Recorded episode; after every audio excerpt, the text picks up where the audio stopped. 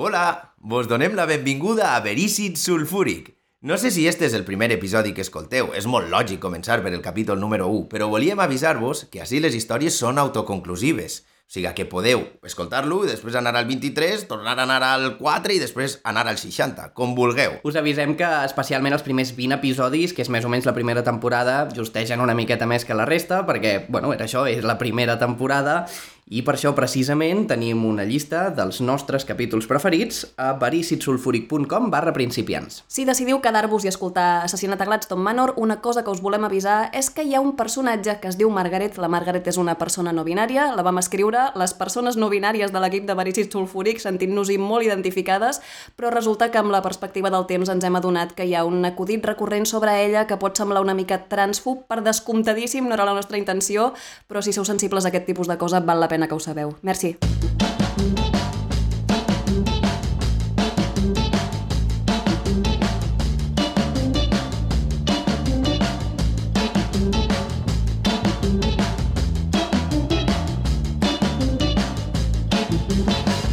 Verícit sulfúric.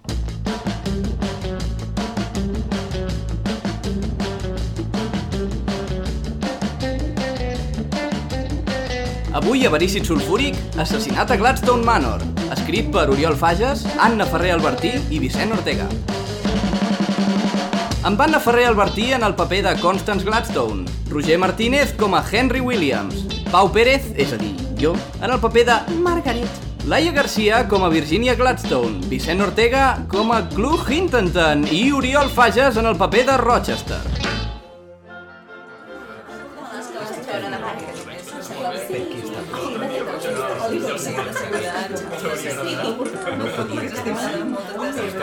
A veure, un moment, silenci, sisplau. Gràcies. Bona nit a tothom. Volia aturar un moment la celebració per dir-vos com de contenta estic que hagueu pogut venir a aquest sopar. El meu marit i jo estem molt orgullosos de... On és en Charles, per cert, senyora Gladstone? Oh, ha anat a la bodega, però de seguida tornarà. Ja sabeu que no se li donen gaire bé les presentacions com aquesta. Doncs si em permets, Constance, mentre esperem que arribi, proposo un brindis. Pels Gladstone, que la seva hospitalitat i el seu licor siguin a les nostres vides durant molt més temps. Margaret. No, però en sèrio, el papa està trigant molt, no? Com, molt. Sí, sí que triga.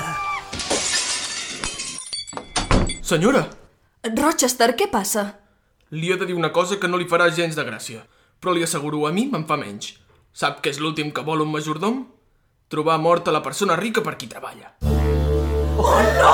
Sí, sóc el majordom i he trobat el cadàver, però jo no he sigut. Guau, mama, t'acaben de tirar la festa en l'aire, però en plan... O sigui, uau! Calla, Virginia, si plau. Crec que només hi ha una sortida a aquesta situació tan incòmoda. Hi ha algun detectiu a la sala? Sí, bé, eh, jo. Quina casualitat, veritat, senyora Gladstone? Que jo, un intel·ligentíssim investigador que incomprensiblement fa mesos que no té cap cas, siga aquí, al sopar, a punt per resoldre el misteri. Tinguen la meva targeta. Gràcies. Moltes gràcies, senyor. Oh, aquí té. Merci, tia. I per vostè també. Intenten! El famós detectiu privat! No sabia que fos amic de la família, senyor Hintonton.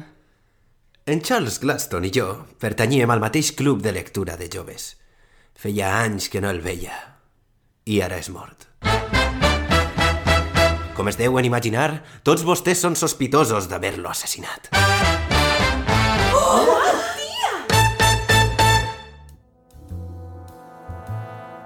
Vaig buscar i rebuscar per tots els racons de Gladstone Manor. Cada passadís, cada paperera, rere els quadres i els miralls. Qualsevol detall podia ser crucial per descobrir el culpable. Fil de pescar? Allò feia pudor de socarrim. El cas avançava per moments. I aleshores em vaig adonar que encara no havia examinat el cadàver. És un error de càlcul comú quan portes molts anys a la professió, però sí, sí, havia d'anar-lo a veure. Havia d'arribar al fons d'aquella qüestió. I allà el tenia, en Charles, el meu amic. Bé, conegut. Bé, feia anys que no parlàvem. De fet, em va sorprendre que em convidara a sopar. Però, en fi, no podia dir que no. El pobre Charles no es podia imaginar que em sortiria un cas a la seva festa i que el cas seria ell. Pobre, pobre Charles. Un moment. Tot encaixava. Havia sabut qui era el culpable des del principi i ara podia desenmascarar-lo. Tocava parlar amb els sospitosos. Era l'hora de reunir-los. A l'habitació blava de l'ala nord.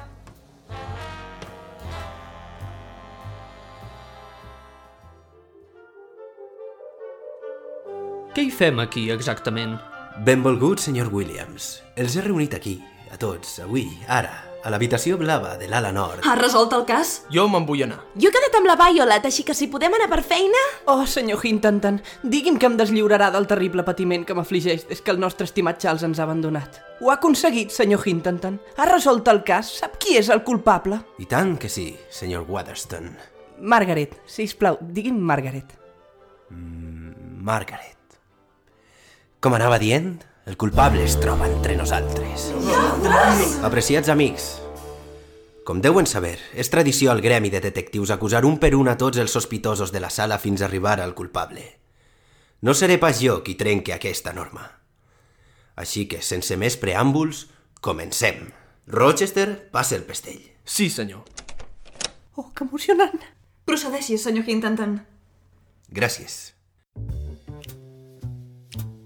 Senyor Gladstone, vostè té la culpa de tot per ser mort, però no té la culpa de ser mort. Oh, quin bon principi. M'està bé que ho diga, senyor Williams, perquè vostè és el següent. Vejam. Henry Williams, membre il·lustre de l'alta societat, advocat de renom i amic d'infància de Charles Gladstone. M'equivocaria si digués que li agrada la pesca? Sé que vostè i en Charles sortien a pescar els caps de setmana, Sí, com ho sap? Perquè he trobat fil de pescar en una paperera. I l'he llepat. Era fresc. Quin va ser l'últim cop que van sortir a pescar, senyor Williams? Fa uns tres dies. Fa uns tres dies. Era... dilluns. Ah, uh, no. Ei, senyor Hintanton, no, era diumenge. Diumenge! Era diumenge. Gràcies, senyor Waterston. Margaret. Margaret. Siga com siga. Senyor Williams, quan pescaven, durant les llargues estones a la barca esperant que els peixos piquessin, aïllats de tot i de tothom, compartíem moltes coses, oi?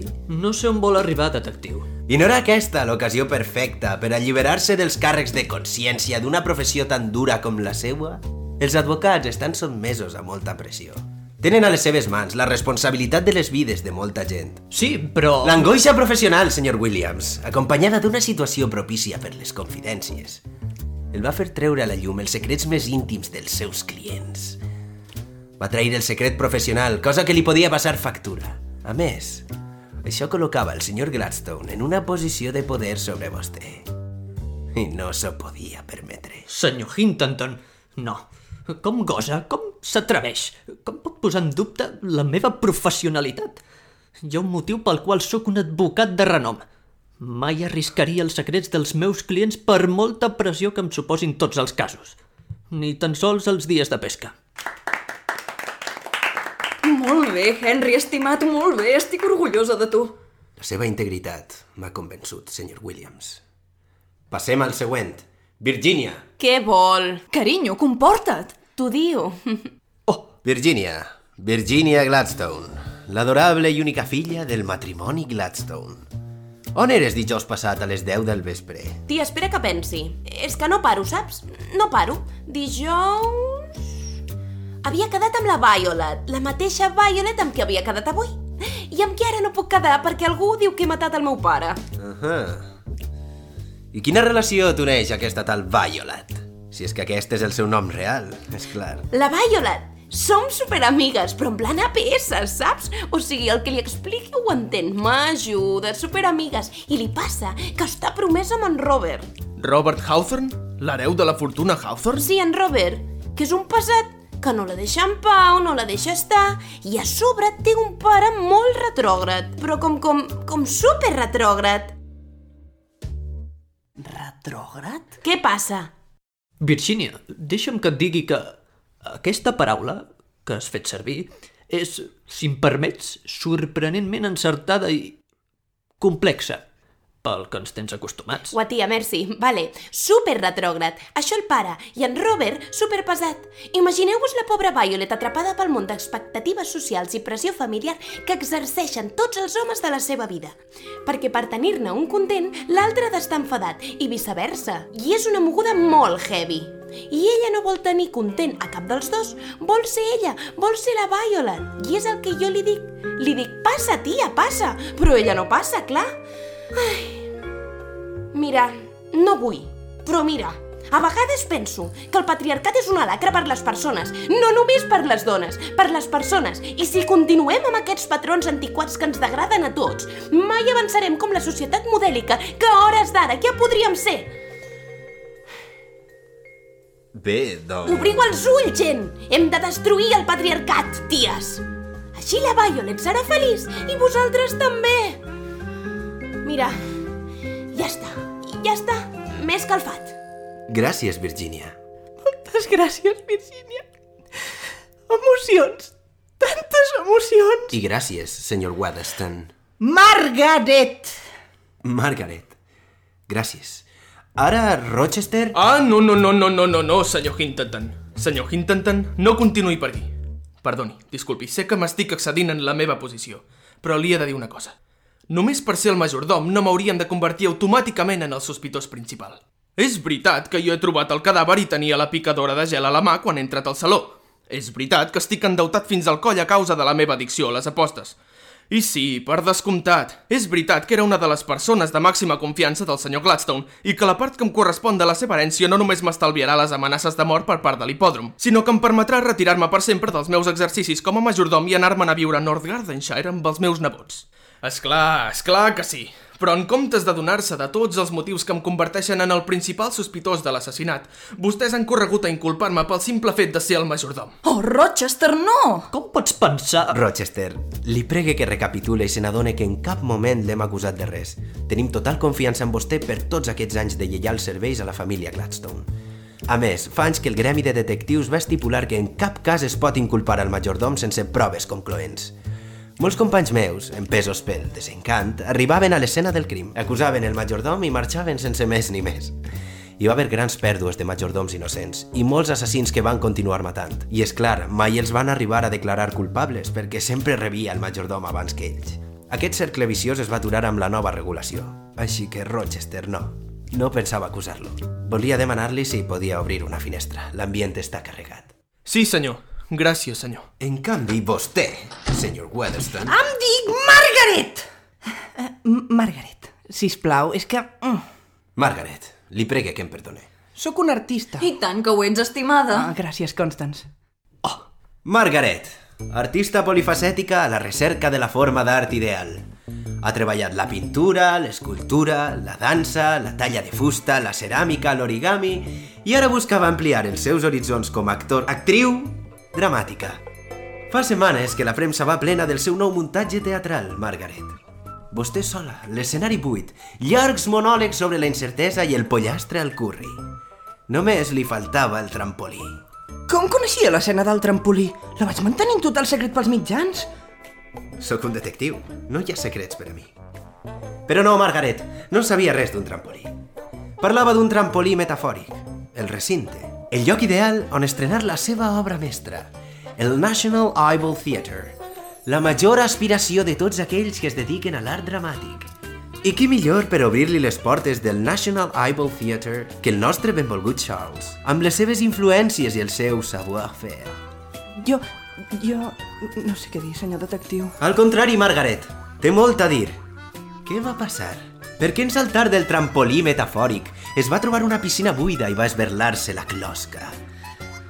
Charles no se n'adonava, però em feia patir tant. Havia promès fer ús de la seva influència social per promoure el meu espectacle, l'abisme, el curri i altres indrets de l'ànima. Oh, però fa pocs dies va confessar que no se sentia còmode promovent un espectacle com aquell, que, que potser havia de fer una cosa menys contemporània. S'ho poden creure?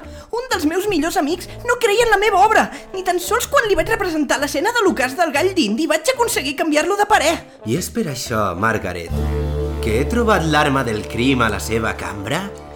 L'arma del crim? He trobat el manuscrit de l'abisme, el curri i altres indrets de l'ànima, on casualment falten les pàgines de l'ocàs del gall d'indi. Com ho explica això? Per què aquestes pàgines i no unes altres? Senyor detectiu, insinua que vaig matar en Charles a cop de guió? Amb un grapat de papers? Els papers d'avui en dia són molt resistents, benvolguda Margaret. I no és cert que la ploma és més forta que l'espasa? Precisament, senyor Williams.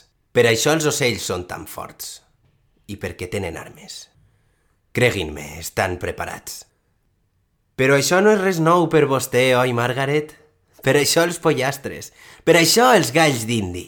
No veuen el patró? Sóc l'únic que veu el patró? Tia, no. Senyor Hintonton, es troba bé? D'acord, si no ho veuen ho podem deixar estar. Aquest cas m'està posant dels nervis. En fi, només queda una sospitosa. Senyora Gladstone. Insinua que jo... Senyora Gladstone. El meu propi marit! Senyora Gladstone, no és veritat que durant tots aquests anys de matrimoni amb el senyor Gladstone havia descobert coses, diguem-ne, desagradables, no, diguem-ne funestes sobre el seu marit? No és veritat que vostè era qui tenia més motius per matar-lo? Que la flama s'havia apagat, que no compartien els mateixos gustos musicals, que s'havien endinsat en una tediosa monotonia matrimonial, que convertia la convivència en un autèntic infern del que només es podrien escapar si un dels dos moria. No és veritat, senyora Gladstone? Sí. Sí. Té raó, senyor Hintonton. La nostra vida en comú havia arribat a un punt de no retorn. Però m'ha de creure quan li dic que no vaig ser jo. Jo... Jo estimava el meu marit. Senyores, senyors, em sembla que estic en disposició de revelar la identitat del culpable. Seguin, seguin, per favor, seguin. No sé per on començar. Eh? Bueno, prepareu-se, prepareu-se molt fort, eh? Bueno, vinga, va. He sigut jo. Com? Què? Com et passes? Per què? I quan? Miren, a veure, mm, feia molt de temps no? que no tenia un cas, i quan dic molt és molt, però molt. I total, en Charles em va convidar a sopar, feia anys que no ens veiem, l'ocasió era ideal, casa gran, de nit, convidats molt diversos, i estava pensant, ho faig, no ho faig? I m'ha dit, Clum, si no ho fas ara no ho faràs mai. I ho he fet. I trobo que ha quedat prou maco. El majordom ha trobat el cadàver. He pogut investigar per tota la casa, la ronda de sospitosos reunits en una habitació. Molt bé, no? He llepat fil de pescar i tot, vull dir, molt bé. Molt complet, molt professional. Senyor Hintonton, no em puc creure que... Senyora Gladstone, no patisca, quan vostè vulga. Com? Quan vulga, Què? els meus honoraris per resoldre el cas. Senyora Gladstone?